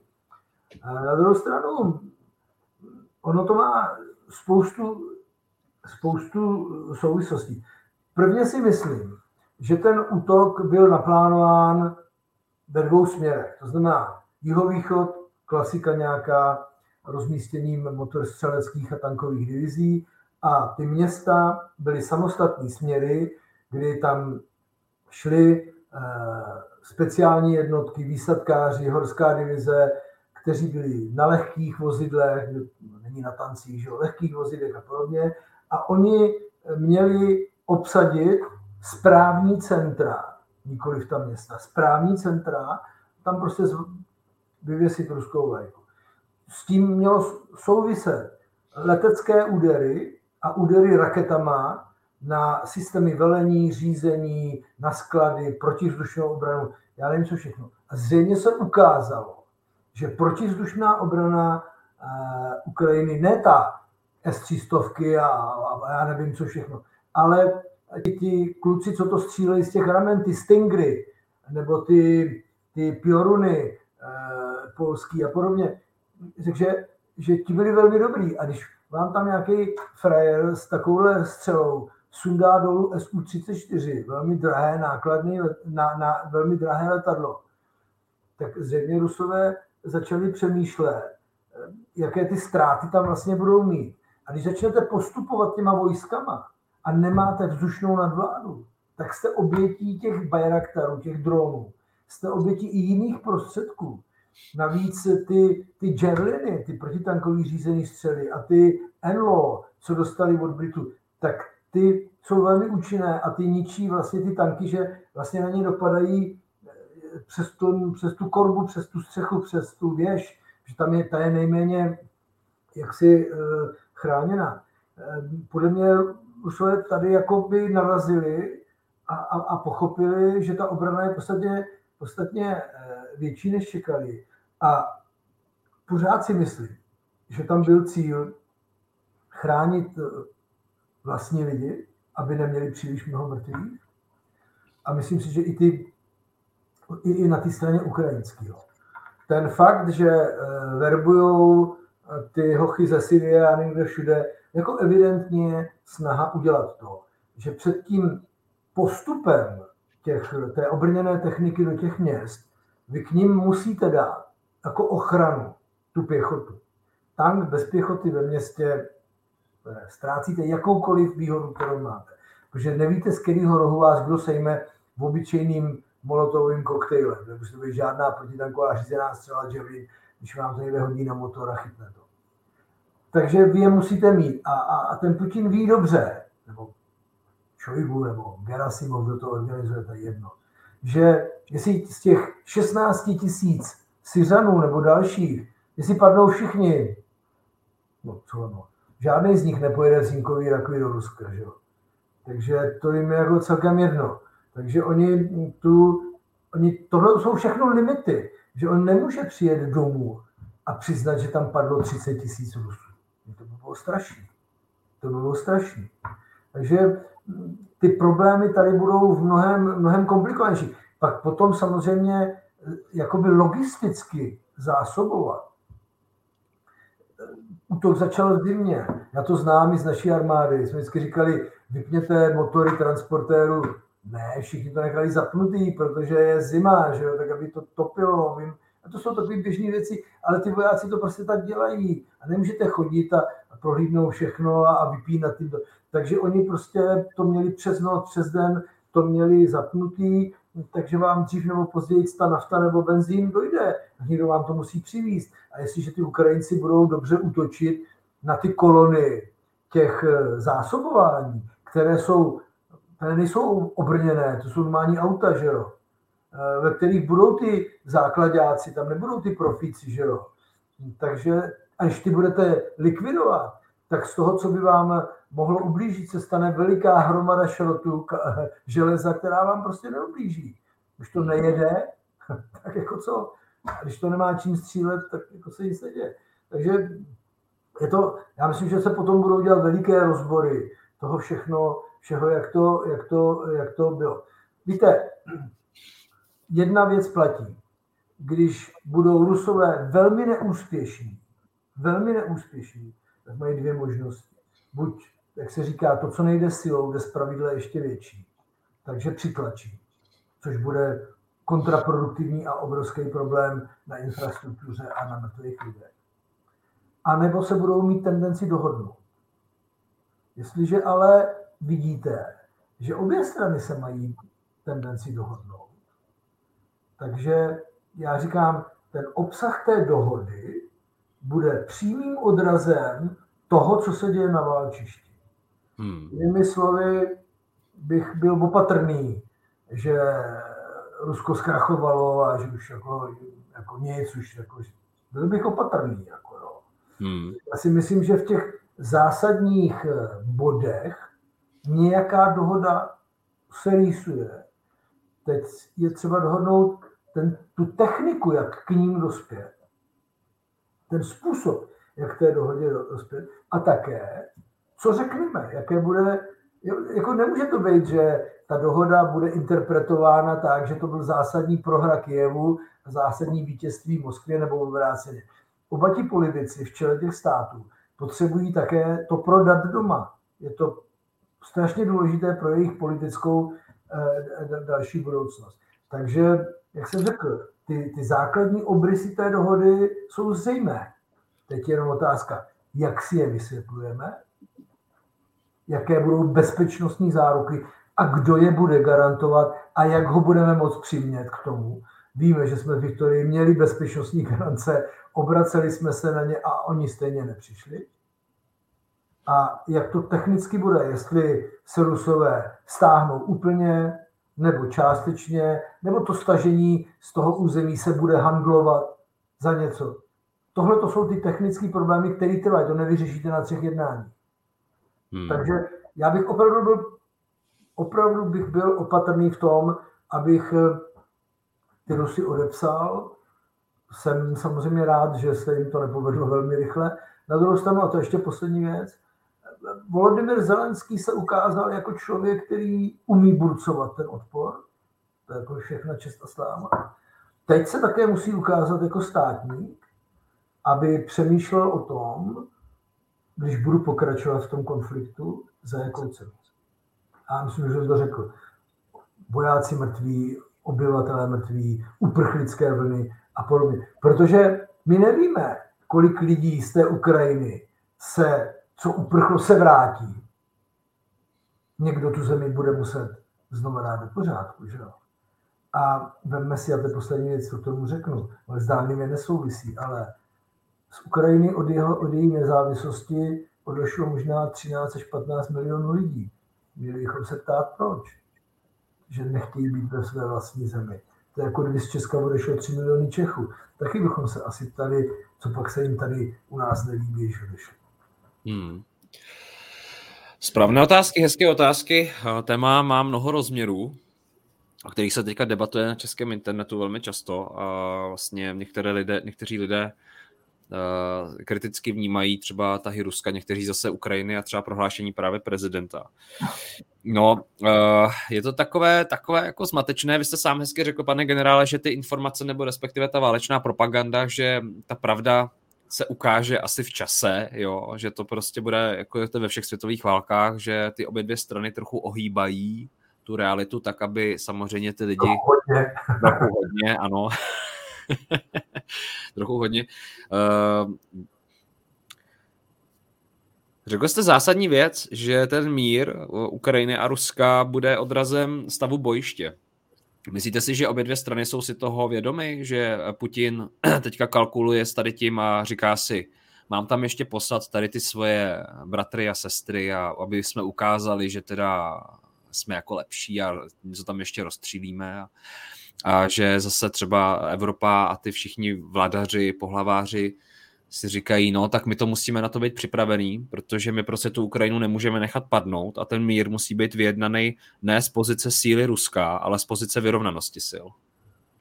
Tak eh, samozřejmě patová záležitost není nic, nad čím bychom museli plakat jako nad rozlitým mlíkem. Patová situace by vlastně ty strany jakoby zrovnoprávnila a, a, a mohla by samozřejmě vést k zastavení toho konfliktu jste v patové situaci, to znamená, že ani nevyhrajete, ani neprohrajete, tak stojíte na místě, když to řeknu i obrazně, a je asi to i dobrým, dobrým, eh, dobrým signálem k jednání. Podle mě pro Putina je zásadní neutralita. To, jak se jí vysvětlí, jestli je to švédský typ, rakouský, švýcarský, ale neutralita, která, abychom to nekomplikuje, znamená nečlenství Ukrajiny v alianci a v Evropské unii, protože Evropská unie má tu dimenzi nějaké evropské obrané politiky, byť ta je spíš na papíře jak v realitě. Ale tohle je pro Putina zásadní. Pak je to otázka, a to už je k debatě, jak to bude s těma dvouma republikama, té Doněcké a, a Luhanské. To je k debatě, to byl vlastně ten core problém toho těch míst, dohod Minsk No a pak ten krásný Krym, že? Tak Eh, jako mm, Volodymyr ví dobře, že mu ho nevrátí. Prostě mu ho nevrátí. Jako, takový ty eh, iluze, prostě ne. Já jsem před konfliktem říkal, že by mu ho měli Rusové kompenzovat nějak. Prostě oni ho nevrátí, ale kompenzovat. Eh, já osobně, kdybych byl Volodymyr Zelenský, a nejsem, jsem rád, že jsem se do takové situace nikdy nedostal. Ale musím říct, že a chce to velkou politickou odvahu, možná i osobní, protože nějaký nacionalista vás za to může sejmout a není jich tam málo. A může k tomu také Volodymyr využít ten svůj potenciál, který v tom konfliktu získal. A to je, než bych nekontroloval celou zemi, tak radši budu kontrolovat její část. To znamená, dobře, vemte si Krym, stejně mi ho nevrátíte. A vemte si tady ty dvě republiky, protože ti Rusové tam zůstanou. Jen tam zůstanou, ty jako nikam nedostanete. A v zásadě se zbavíte problému. Zbavíte se problému, takže vy, vám zůstane sice menší kus země, ale bude vaše, bude víc etnicky čistá, nesmíme ovšem zapomenout na Maďary a podobně, ale zůstane víc etnicky, etnicky čistá a budete nad ní moc vykonávat tu svoji vládu čemu vám je Doněcká a Luhanská, když, jak jsem řekl, to tam běží podle ruských not a nikoliv podle vašich a je to zdrojem neustálých problémů. Když ty Rusové budou do toho stále ingerovat. Takže já si myslím, že by to bylo jako, jestli to bude, to já nevím, ale by to bylo ideálně. Ale já to můžu říct, že nemám žádnou odpovědnost politickou nebo jakoukoliv, ale zbavili by se problémů. Hmm. Samozřejmě tak. za to by museli být všechny ty garance, že to končí, že to všechno, že už jako nic Na věky věků, ano, na věky věků. Takže to bychom, no co si o tom myslíte? Napište nám schválně svůj názor. Víte to, že tady vlastně tyto rozhovory jsou neformální a dávají prostor pro debatu, diskuzi, takže pokud máte třeba nějaký jiný názor nebo stejný, tak nám to napište do komentáře, zajímá mě, jak to vnímáte vy. A já teď dám devátou otázku. Vidíte, pane generále, že se točíme ohledně toho, že lidi opravdu nedůvěřují teďka moc médiím a je to asi důsledek toho covidu, protože jednou to bylo to, že teďka nás spasí na věčný časy a pak jsme zjistili, že na měsíc, na dva. Tady je Jana Švestková. Existuje cesta k objektivnímu spravodajství dětí ve světě? Kde dle vás najdu nejobjektivnější informace? Tam je asi dění, jo, myslela, ne dětí. Existuje cesta k objektivnímu spravodajskému dění ve světě, kde podle vás najdu ob- nejobjektivnější informace. Tak pane generále, vy jste říkal, že jako to uděláte takový průřez, jo, že se kouknete na ty média, do toho pak eh, implementujete svoje zkušenosti generála z bojiště, koukáte na to, posuzujete, co jako je vyšlehaný, co třeba není tolik vyšlehaný. A máte třeba nějaký tip, byť na zahraniční portál, který vy si říkáte, že se trefuje, že jako předává ty informace bez toho přesvědčení, že se o to alespoň snaží? Já v zásadě čtu právo, protože si myslím, že má dobrou tu rubriku zpravodajství.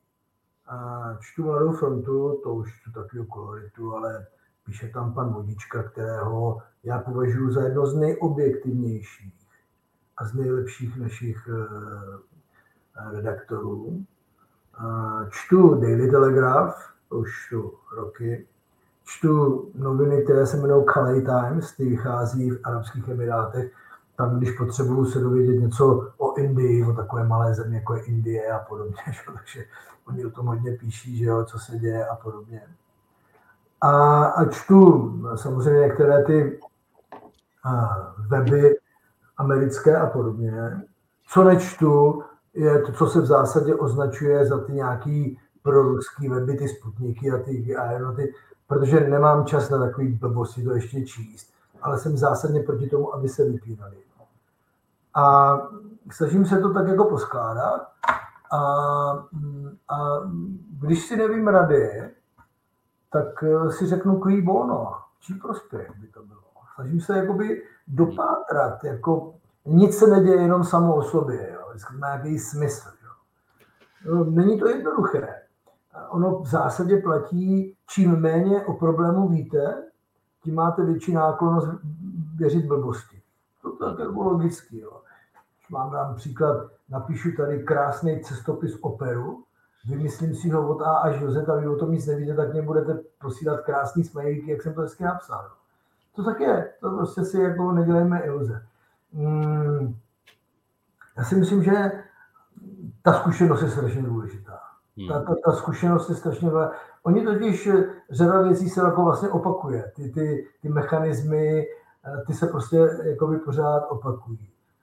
Já na to nemám žádný jakoby, eh, jakoby návod úplně. Já jsem byl vždycky tomu, čemu se říkalo, když jsem byl v Anglii, information junkie. To znamená, že prostě jako jdete po těch informacích, střebáváte a prostě se tomu pořád věnujete, přemýšlíte o tom a, a dáváte si to dohromady, vracíte se k tomu, kde jste udělal botu, proč jste udělal botu a podobně.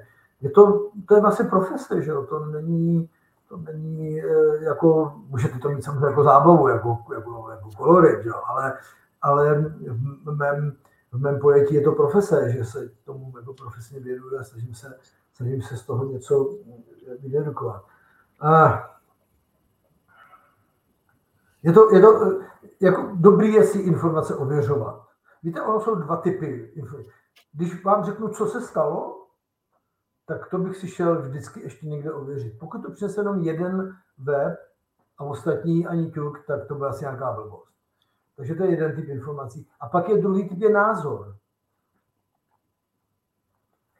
To, co, to, co vidíme, je jenom to, co si myslíme, to je, nebo co slyšíme. To, je, to ještě nemusí být eh, objektivní pravda. Co to je vůbec objektivní pravda?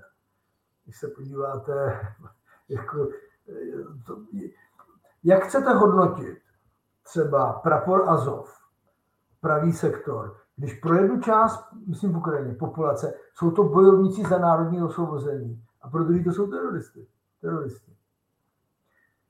Yasser Arafat. Pro jedny to byl terorista, pro druhý to byl bojovník za národní osvobození. Až když potom udělali se Šimonem Perezem tu dohodu, tak oba dostali, eh, dost, s Icakem Rabídem, omlouvám se, dostali, dostali Nobelovu cenu za mír. Terorista dostal Nobelovu cenu za mír. Jako je to tak jako strašně složitý, jako v tom, v tom životě. No. Je to prostě úhel pohledu.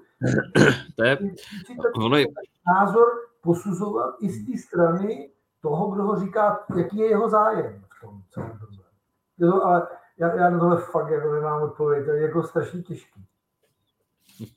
No, nicméně jste odpověděl ze svých zkušeností, pane generále, což je fajn, tak můžeme uh, inspirovat, nebo řekl jste tady několik typů třeba na média, která vás baví, tak uh, diváci, pokud třeba chcete, tak můžete uh, vyhledat a, a zajímat se o ně také. Já se teďka dostávám do části fotografií. Pane generále, my jsme tady vyčerpali ty otázky na vás. Já chci poděkovat všem divákům za to, že se zapojili v uzavřené skupině na Facebooku Zákony bohatství. A také pokud sledujete tohle video, se tady poprvé dejte odebírat, protože chystám další rozhovory právě s třeba s panem docentem Petrem Pithartem a dalšími, o které si říkáte. A samozřejmě píšte komentáře nebo sdílejte, pokud vám to dává smysl. Děkuju moc. Já teďka tady začnu eh, dávat fotografie. Některé informace pro vás, pane generále, i pro vás, diváci. Fotografie já jsem neviděl předem. To znamená, já sám nevím, co tam bude. Připravila je produkce, Katka, která eh, je eh, milovnící historie a vybrala fotografie z posledních 20 let z nejrůznějších událostí. Takže nemusíte čekat jenom, protože tady máme pana generála nějaké válečné konflikty, třeba tam budou i nějaké eh, další události ze světa. Budeme si nad nima povídat. Zajímá mě vaše reakce, pane generále, jak to vnímáte? Cokoliv ucítíte nebo navnímáte, že je fajn k tomu říct, tak řekněte, když to nebude nic, tak půjdeme dál samozřejmě. A vy se můžete s náma dívat, můžete sledovat a také psát své názory a jak to vnímáte a třeba uh, jaký, jaký z toho máte pocit. Takže já to tady nazdílím. To jste si nachystali. no to já jsem taky zvědav, tak uh, já tady nazdílím obrazovku, chvilku to tam bude trošku skákat. Chvilku to tam bude skákat, ale tak. Teďka mě řekněte, pane generál, jestli vidíte. Jo, vidím, 11. září, no. Ano. Je, Takže toto je fotograf, toto je, pardon, já jenom řeknu něco kratičce, co tady mám napsáno od, od produkce, od Katky. Co to je za fotografii? Hasiči vstyčují americkou vlajku na troskách World Trade Centers 2001. 11. září, to je pro mě jeden z ústředních e, dnů mé životní kariéry. Já jsem v té době byl šéf vojenské rozvědky, vím přesně, co jsem dělal, vím přesně, co bylo předtím, ale také si velmi dobře pamatuju, co následovalo. A byla to opravdu velmi pohnutá doba, kdy jsem snad nejvíce ve své kariéře cítil spolu zodpovědnost za bezpečnost této země. Hmm. Když se podíváte zpětně na ty události, vyplouvalo spoustu informací ohledně útoku, samozřejmě mělo to další dozvuky. Eh, jak vy to vnímáte, t- tu událost zpětně? Bylo to opravdu tak, jak jsme to vnímali v tu chvíli, nebo se tam ukázaly nové souvislosti? Tak já osobně odmítám tvrzení, že si to udělali američani sami. Jako, nejsem žádný naivní člověk a ani si je neidealizuju, ale tohle to by neudělali. To si myslím, že je mimo jakoukoliv Myslím, ta původní reakce George Bushe, mladšího zlikvidovat tábory Al-Qaida v Afgaši, to všechno bylo dobře. Jo? Ale to zabřednutí v tom Afganistánu bylo špatně. My jsme hmm. prostě spoustu věcí nepochopili a opakovali jsme chyby, které jsme se mohli poučit od Rusů, že jo? A když nám Talibán celou dobu říkal, vy máte hodinky, my máme čas, tak jsme jako, jako nechápali, o co jde a pak jsme se prostě vzájemně usvědčili, jak nám to všechno jde v tom pokrytectví, jak jsme si nalhávali, že za ty obrovské peníze slavíme úspěchy a výsledek byl v srpnu loni, ne? To přece jako, hmm. co k tomu víc říct. Uh, myslím si, že ten druhý krok, který následoval, byl ještě horší. A to byla invaze do Iráku, která hmm. vedla k destabilizaci Blízkého východu, ke vzniku islámského státu a všem těm problémům, které jsme eh, celou dobu zažívali. A to teda pro mě byl naprosto nepochopitelný krok, který se tehdy stal. Asi hmm. Tak, jdeme na další fotografii. Tady vidíme Mladá Afgánka poprvé ukazuje svou tvář veřejnosti po pěti letech talibanského práva šaria 2001. Já jezdím na Blízký východ. Já uh, nemám ty strašné předsudky eh, kvůli některým věcem. Také se obávám, že eh, ten islám také jak si vztahuje i, i, i kmenové tradice, že všechno není nějaký originál, který vtěsnal do Koránu prorok Mohamed, když mu to jaksi bylo sděleno. A myslím, že to je kombinace obého, mm, ale je to pro mě něco mm, jako hodně nepřijatelného. Hmm. My jsme si takovýhle, teď to prostě odlehčím, jo. My jsme byli zbaveni eh, ženské a dívčí krásy dva roky těma rouškama. A mně hmm. tohle to prostě jako, jako vůbec nepřijde jako, jako civilizovaný způsob eh, projevu. Ale jestliže to tak oni tak chtějí mít, tak ať to tam mají. Je to jejich věc. Kdo jsem já, abych jim říkal, jak mají chodit oblečení. Pokud to dělají dobrovolně, já vždycky úplně nevím, ale pokud to dělají dobrovolně, tak fajn. Ale ještě bych tomu dodal jednu. Já jsem kdysi sledoval z Dauha. Byly takový skvělý pořady BBC dělalo. A tam byla třeba debata s vysokoškolskýma dívkama. A tam se jich ptali, jak je to s tím manželstvím, jestli si oni musí vzít, eh, koho jim rodina vybere. A tam ty dívky se shodly na tom, že to tak není, ale že oni sami k tomu přistupují tak, že ten manžel by tu původní rodinu neměl rozbít. A vysvětlit. U nás v Česku Tonda si bere Máňu. No je to hrozná kráva, ale bude snížit on. Takhle se k tomu díváme my, oni ne. Pro ně je rodina něco jiného. My jsme rodinu zglajšaltovali prostě na jinou debatu. A tohle, co se mi líbí, že ty lidi tak jako přemýšlí, že přivedou do té rodiny někoho jiného a ten by tam měl zapadnout aby ta rodina dál žila jako rodina, jako, jako základ. My jsme tady pořád říkali, že rodina je základ státu, ale dělali jsme všechno pro to, aby to tak nebylo. Že? Hmm. A, tak a, a, asi tím bych skončil. Já, hm, tohle není můj jakoby obdivovaný jaksi, úbor. Tak, další fotografie. Lidé berou vodu ze studny v Naftvar Gadu v západní Indii. Více než jedna miliarda lidí stále nemá přístup k čisté pitné vodě. 2003. Já myslím, že to bude ještě horší. Když se hmm. podíváte na těch 16 nebo kolik rezervoárů podzemních vody, které se táhnou takhle tím pásmem od Azie až do Afriky, některé už jsou kompletně vyschlé. Jestli skutečně může být nějaká velká válka, tak to bude kvůli vodě. Jako, můžete být bez leda z čeho, ale bez vody to prostě nejde. A to si myslím, že je, je prostě strašná věc. A tady prostě vidíme, já vím, že nemůžeme spasit celý svět, to jako nejde, ale tady prostě vidíme ty diametrální rozdíly v té životní úrovni hmm. Eh, některých lidí a není jich, jak jste řekl správně, vůbec, ale vůbec málo. A jestli bychom skutečně měli o něčem přemýšlet, tak eh, jak tu zem dál neničit. Ale nemyslím, aby to byly nějaký ty svazácký plány, eh, jak prostě za každou cenu nám bude lépe, až nám bude hůř. Ale rozumně eh, se podívat na to, že ta zem má svoje limity a, a, a tady to vidíme. Já myslím, že asi hmm. všechno k tomu stačí.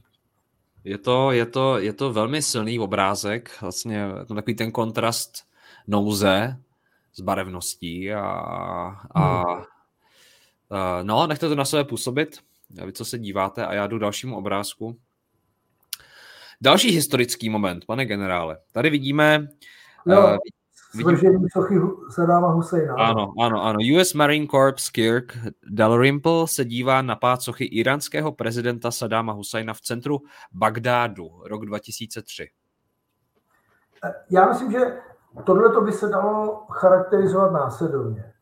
Takováhle vojenská mocnost, jako jsou Spojené státy, si relativně vojensky poradí s každým režimem. Relativně. Svrhnout někoho je relativně jednoduché. Rozbít něco je relativně jednoduché, ale co potom? Hmm. Eh, americká představa, že jednoho bastarda nahradíme osvíceným miláčkem národa, vzniklým z demokratických voleb, prostě nefunguje. A jestliže nejste schopen uh, za nebo kultivovat třeba Nuriho Malíkyho, který byl jedním z významných premiérů potom Iráku, který prostě, tak jak je to zvykem, mydlil zase sunity, že jo, aniž by jste prostě ho usměrňovali v tom, že to takhle jako nejde, že prostě je potřeba ten, ten stát, který vzniknul, a nejenom on, Sykes-Picotovou komisí, která po první světové válce prostě nakreslila ten Blízký východ zrovna tak jako Durant a Goš a podobně, takže rozdělovala ty různá etnika, kmeny, to vidíme mezi Pakistánem a Afganistánem, jsou vlastně paštuni rozdělení Durandovou linií na dvě části, aby se ten problém zmenšil. Nemáme čistě šítskou, aspoň já nevím, nebo čistě sunickou zemi. A to všechno je zdrojem vnitřních problémů, které ty státy navenek oslabují. Tohle je ta mocenská politika, které jehož máme dopad. A nakonec vidíme, že ten Irák je všechno jenom nestabilní a že nám vygeneroval eh, samozřejmě problém islámského státu, který se přidal potom do Sýrie a podobně. Takže tady je, a mně se líbilo, když Joe Biden řekl, tohle to končí. Tohle to hmm. končí. Protože jako nemůžete si říct, mně se on nelíbí a tak ho sejmem. A ještě k tomu nemáte žádnou rezoluci Rady bezpečnosti. No, ale dobře, kdyby. Ale nemůžete ho nahradit ještě větším, větším tyranem nebo větším... Hmm. Uh, to, to, a to, je prostě, to jsou prostě ty limity amerických vojenských intervenčních politik. Hmm. Mně vždycky tak připadá, pane generále, že ta Amerika od toho do období počátku 20. století, od toho Wilsona, že jako razí takovou tu strategii pro vyšší dobro, vždycky někde vlíst a něco tam jako udělat. A setkal jste se vy sám třeba s tím, že to nastavení mysli nevychází jenom z politiky, ale třeba od samotných Američanů na různých úrovních, že oni takhle opravdu žijí v té představě, že jako mají spasit ten svět a že oni jsou nosiči těch principů dobrá, takový ten wilsonismus? Eh, máte pravdu, já třeba, když jsem byl v NATO Defense College, tak eh, třeba jsme povídali s Američanama o Iránu a podobně. To jako vidíte spravedlivý hněv. Já říkám, pánové, byli jste v Iránu? Ne. Já říkám, já jsem byl v Iránu. To je krásná země. Historický, kulturní země. Oni na vás čumí. Hmm. Protože jsou zpracováni taky tou propagandou. Já ji nechci postavit na úroveň ty ruské, to určitě ne. Ale eh, pokud je oficiálně eh, Irán osou zla, nebo jednou ze zemí osy zla, tak jak to řekl George Bush mladší, no tak logicky média, ale i příprava důstojníků a vychází v tomhletom, tomhletom duchu, v tomhletom rámci. No. Takže Bohužel to tak, tak je, no. Souhlasím s váma. Tady fotografie. Dostáváme se uh, tentokrát do um, Ukrajiny. To je 2.5 nebo 2.14? 2.4. Uh, Ukrajinka umistuje květiny do policejních štítů během oranžové revoluce. revoluce. No, v roce 2004. A tak tady začal ten základní odklon ukrajinské politické elity od neutrality eh, k pro západnímu směřování. Samozřejmě vyvrcholilo to 2014, že jo, Majdanem, státním převratem, nedělejme si iluze, nenazýváme to, nenazýváme, nenazývejme to jinak. No a pak změnou ústavy, zakotvení členství v alianci a ruská protireakce, to všechno, které, což, vyvrchol, což vrcholí eh, v těchto, eh, v těchto dnech. Jako, a, Juščenko potom ty volby další prohrál, že nebyl zvolen vůbec. Eh, když vyhrál Janukovič ty prezidentské volby, tak všichni Ukrajinci věděli, že byl dvakrát zavřený, všichni Ukrajinci věděli, co to je zač, No a přesto porazil Timošenkovou i Juščenka a, a volby byly relativně férové, jak řekl OBS. No.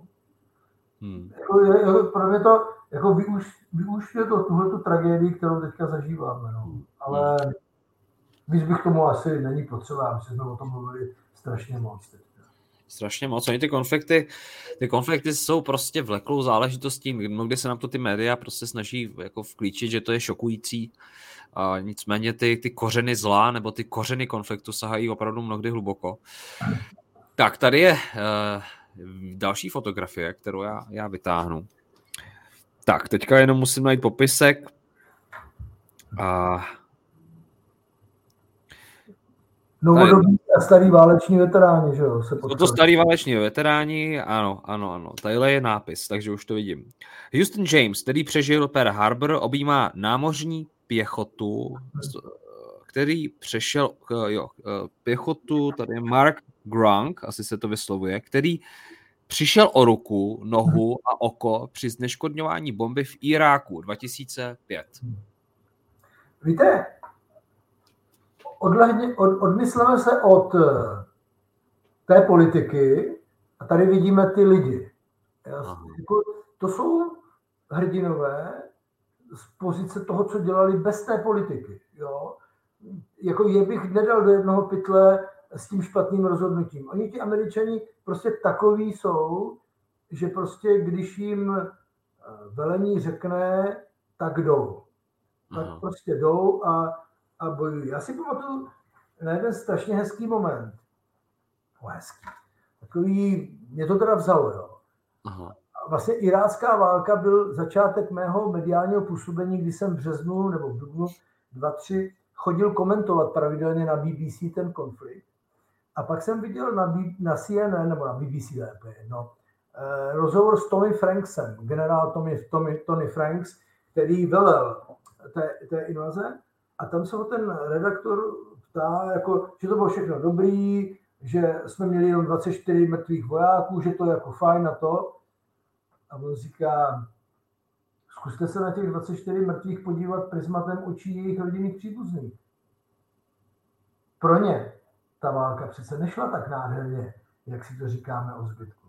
V hmm. tom já vidím ty osudy těch, těch, těch lidí a to, to si zase myslím, že u těch Američanů je ten silný sentiment. I těch eh, generálů prostě ve vztahu vůči těm, vůči těm vojákům mnohem víc eh, empatičtější a ličtější a samozřejmě propojení válečného veterána s Pearl Harborem, z Pearl Harboru na Irák.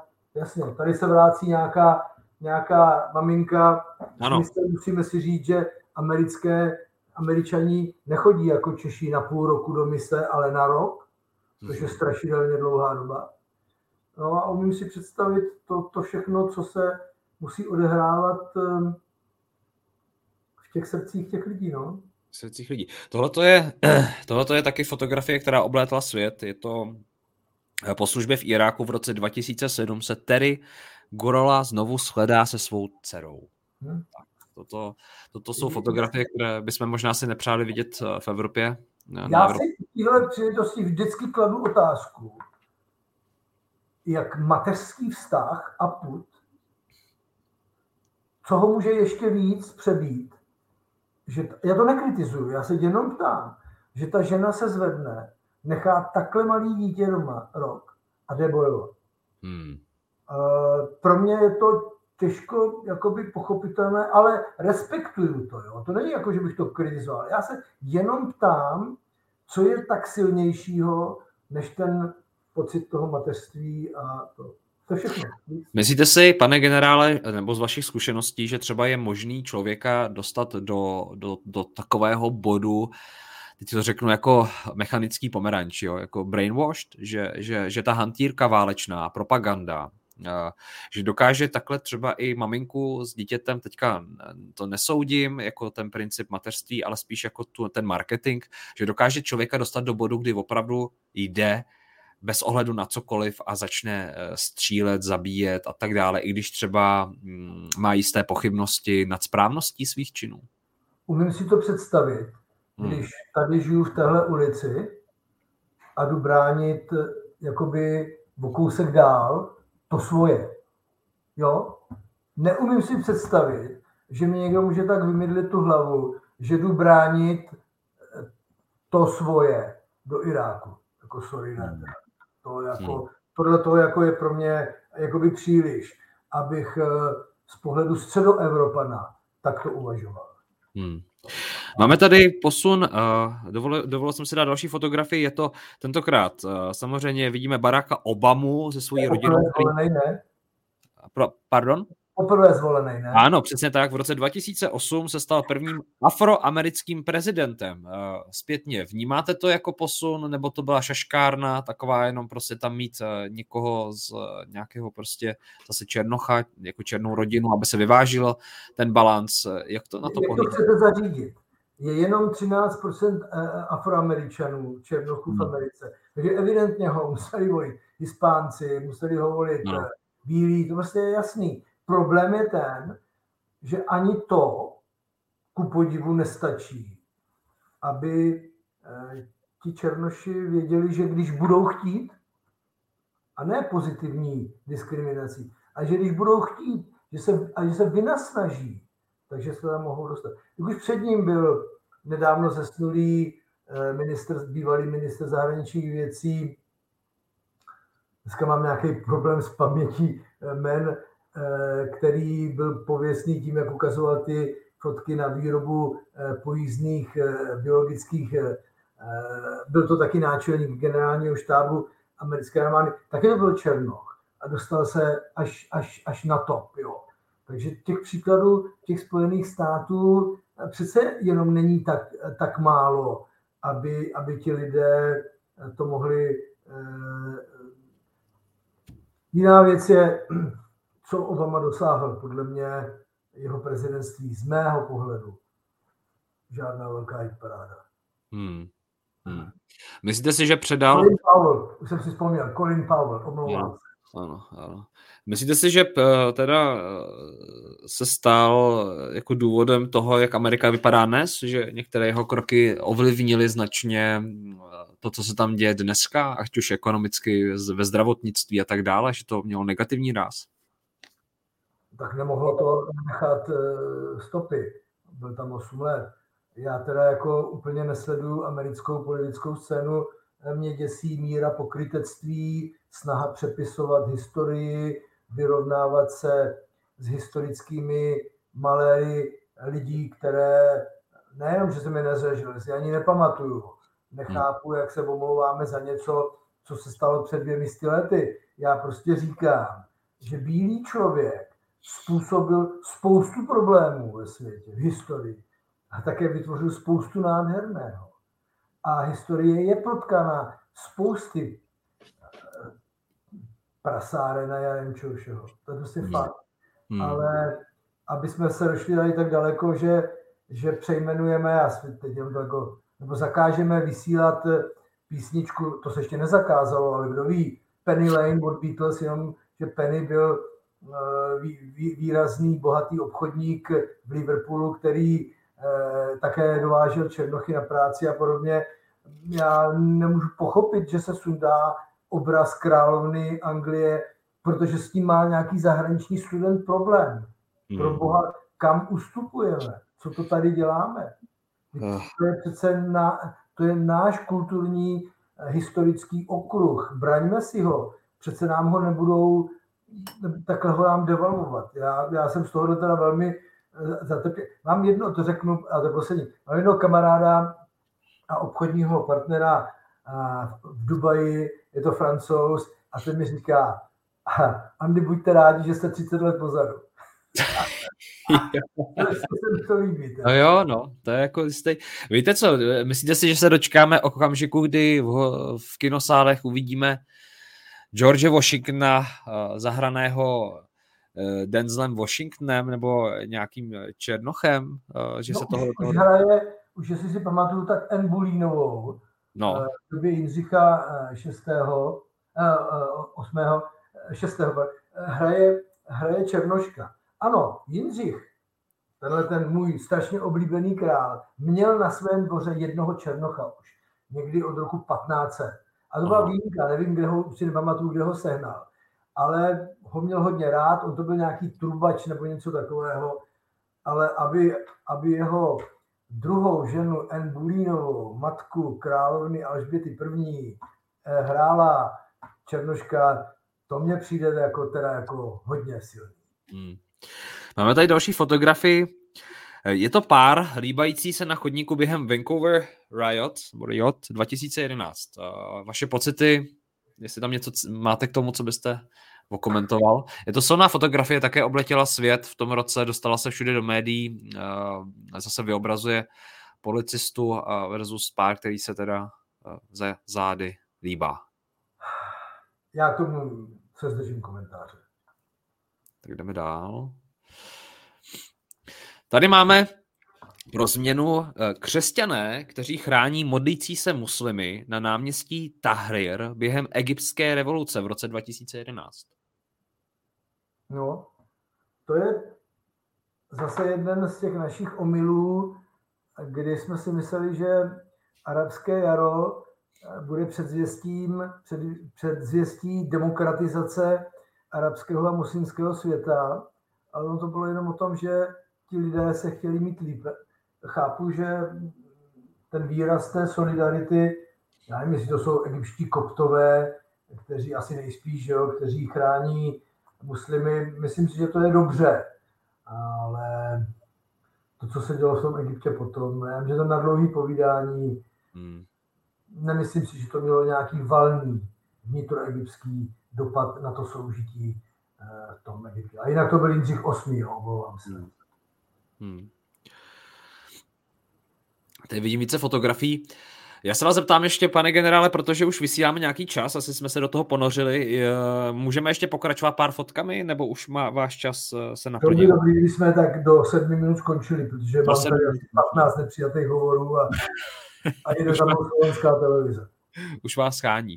Dobře, tak eh, já tady vyberu teda pár, já vyberu tři poslední fotografie, tím to uzavřeme. Tady máme Norští občané během květinového pochodu po teroristických útocích, které v roce 2011 zabili 77 lidí. Rejvik, no. Já jsem byl šokován asi jako každý. A to bylo něco, co těžko můžeme vůbec jako připustit, že se tohle to vůbec eh, může stát. A já bych to ještě viděl versus, tak jednak tam v těch bezpečnostních složkách Norska skoro nic nezafungovalo. Jo. To prostě, hmm. ono se to topiš ukáže, až se stane takovýhle obrovský problém. A když to vidíte pak versus norské, eh, norský kriminály, kde ten člověk má celou o třech pokojích nebo třech místnostech, v zásadě si tam žije eh, královský, dokonce eh, bych chtěl, aby byl propuštěn, protože on dostal nějaký doživotí, ale jak to tak je hmm. U nich modifikováno, já to přesně neznám. Mě na norském soudním nebo vězeňském systému fascinuje to, že je tam 20% eh, recidiva. Což hmm. oni prostě ten systém mají úplně jinak nastavený a to si myslím, že všechny demokratické země by o toto měly usilovat, jít tímto směrem, ale ten, ten akt byl strašný. Já si na to pamatuju velmi dobře. Asi hmm. Teroristické útoky uh, jsou stále hrozbou v Evropě, nebo už dokážeme dneska definovat a včas zareagovat na teroristické útoky? Já si myslím, že ta hrozba uh, nepominula. To, že se samozřejmě možná sníží důvod uh, těm útokům jako reakce na naše vystupování v Afganistánu, to je docela možné, ale obávám se, že těch infikovaných, myslím, mozkem lidí na území Evropy je poměrně hodně. Nevypadá to, že bychom měli být svědky nějakých velkých akcí, ani možná jako Bataclan, ale už vůbec na 11. září a takové ty ojedinělé útoky těch osamělých vlků vůbec bych si jako nechtěl utěšovat, že jako všechno v pohodě. Jako. Hmm. Tady máme velmi silnou fotografii. Syrské ja. Protivládní město Kafr Anbel posílá zprávu do Bostonu po maratonském bombardování v roce 2013. No. Ehm, já si pamatuju, no, ehm, co k tomu říct. Samozřejmě, ehm, když, a já nechci hodnotit, kde začal, kdo byl první, ale když máte útok bezpilotního prostředku na stavení v Afganistánu, o kterém se domníváte, že se tam odehrává schromáždění polních velitelů Afganistánu, vy ho rozmátíte, a ukáže se, že tam byla afgánská svatba a bylo tam 100 mrtvých, nemůžete říct, já se omlouvám. Hmm. To je málo, ne?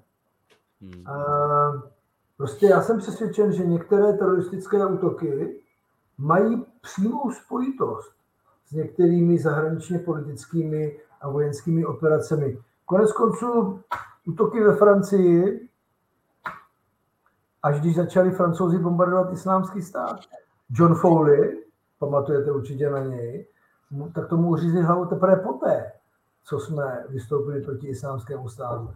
Já vůbec nejsem obhájce islámského státu. Ale ty kořeny těch problémů nejsou tak jednoduché a nemůžeme začít to hodnotit někde z půlky, odkud se nám to líbí. Jeden významnější politik český vždycky říkal, pane generále, vy furt hodnotíte tu Ukrajinu od toho Majdanu. Já říkám, jako to jako začalo, jako nemůžeme to hodnotit teprve, odkud se nám to hodí. To je problém ve všem a ty kořeny těch problémů nebývají zdaleka vůbec tak jednoduché. Říká generál Andor Šándor. Já vám moc děkuji, pane generále, za váš čas. Opravdu věnovali jsme tady dvě hodiny takovému procitávání. Mně z, toho, mě z toho vyznívá, že to není tak černo-bílé, nebo černé nebo bílé, že to, že to prostě všechno má své kořeny. Moc vám děkuji za váš čas, za vaši energii, za to, že jste nám takhle zprostředkoval odpovědi v tomto vysílání. Teda, teda byli jsme tady společně dvě hodiny necelé, takže eh, klobouk dolů. A já vám přeju vše dobré na vaší cestě, abyste nám dal abyste nám nadále zprostředkovával informace z vašich zkušeností, protože se zdá, že budou stále cené a, a žádané, a aby se taky měl čas odpočívat a, a svobodně lítat, jak potřebujete. A vám divákům chci poděkovat za vaše sledování. Pokud se vám tento rozhovor líbil, odměníte nás tak, že ho budete sdílet dál mezi lidi a šířit uh, osvětu a nebo debatu, protože debata je zdravá a my ji potřebujeme. Takže budu moc rád za to, když nazdílíte rozhovor. Zároveň nám nechte komentář, jak se vám třeba líbil rozhovor, uh, dejte odběr, pokud sledujete poprvé. Dole pod tímto videem máte veškeré další informace, pokud třeba chcete se zapojit do nějakých dalších akcí zákonu bohatství, chystám nějaké setkání pro komunitu, je tam odkaz na knížku, můžete se podívat a tak dále a tak dále. A pane generále, vám dávám prostor k závěru. Co nám přejete všem do budoucna? Nám Čechům. Ah, byl bych rád, kdyby jsme byli čím dál tím víc těmi Čechy, kteří se umí vzepnout k něčemu pozitivnímu, než těmi malými čecháčky, eh, kteří jenom brblají. Vemme si, že to je jenom náš život, starejme se o něj, kultivujme si ho. A víte, co je největší štěstí?